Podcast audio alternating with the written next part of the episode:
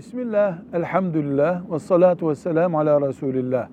Emekli maaşını satmak caiz mi diye soruluyor. Mesela bir kişinin bin lira emekli maaşı var. Her ay alıyor.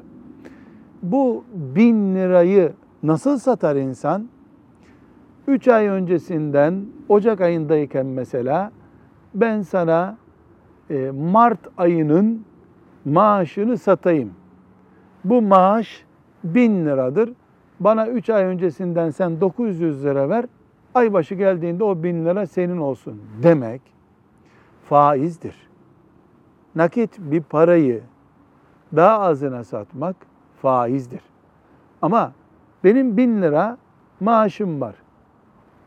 O bin lirayı sen bankadan çekersin. Şimdi bana bin lirayı ver dese bu günü gününe bir borçlanma gibidir. Rakam aynı olduğu için bir sıkıntı yoktur. Fakat maaşından daha düşüğüne parayı önceden elde etmek için emekli maaşını satması bir insanın faiz işlemidir. Velhamdülillahi Rabbil Alemin.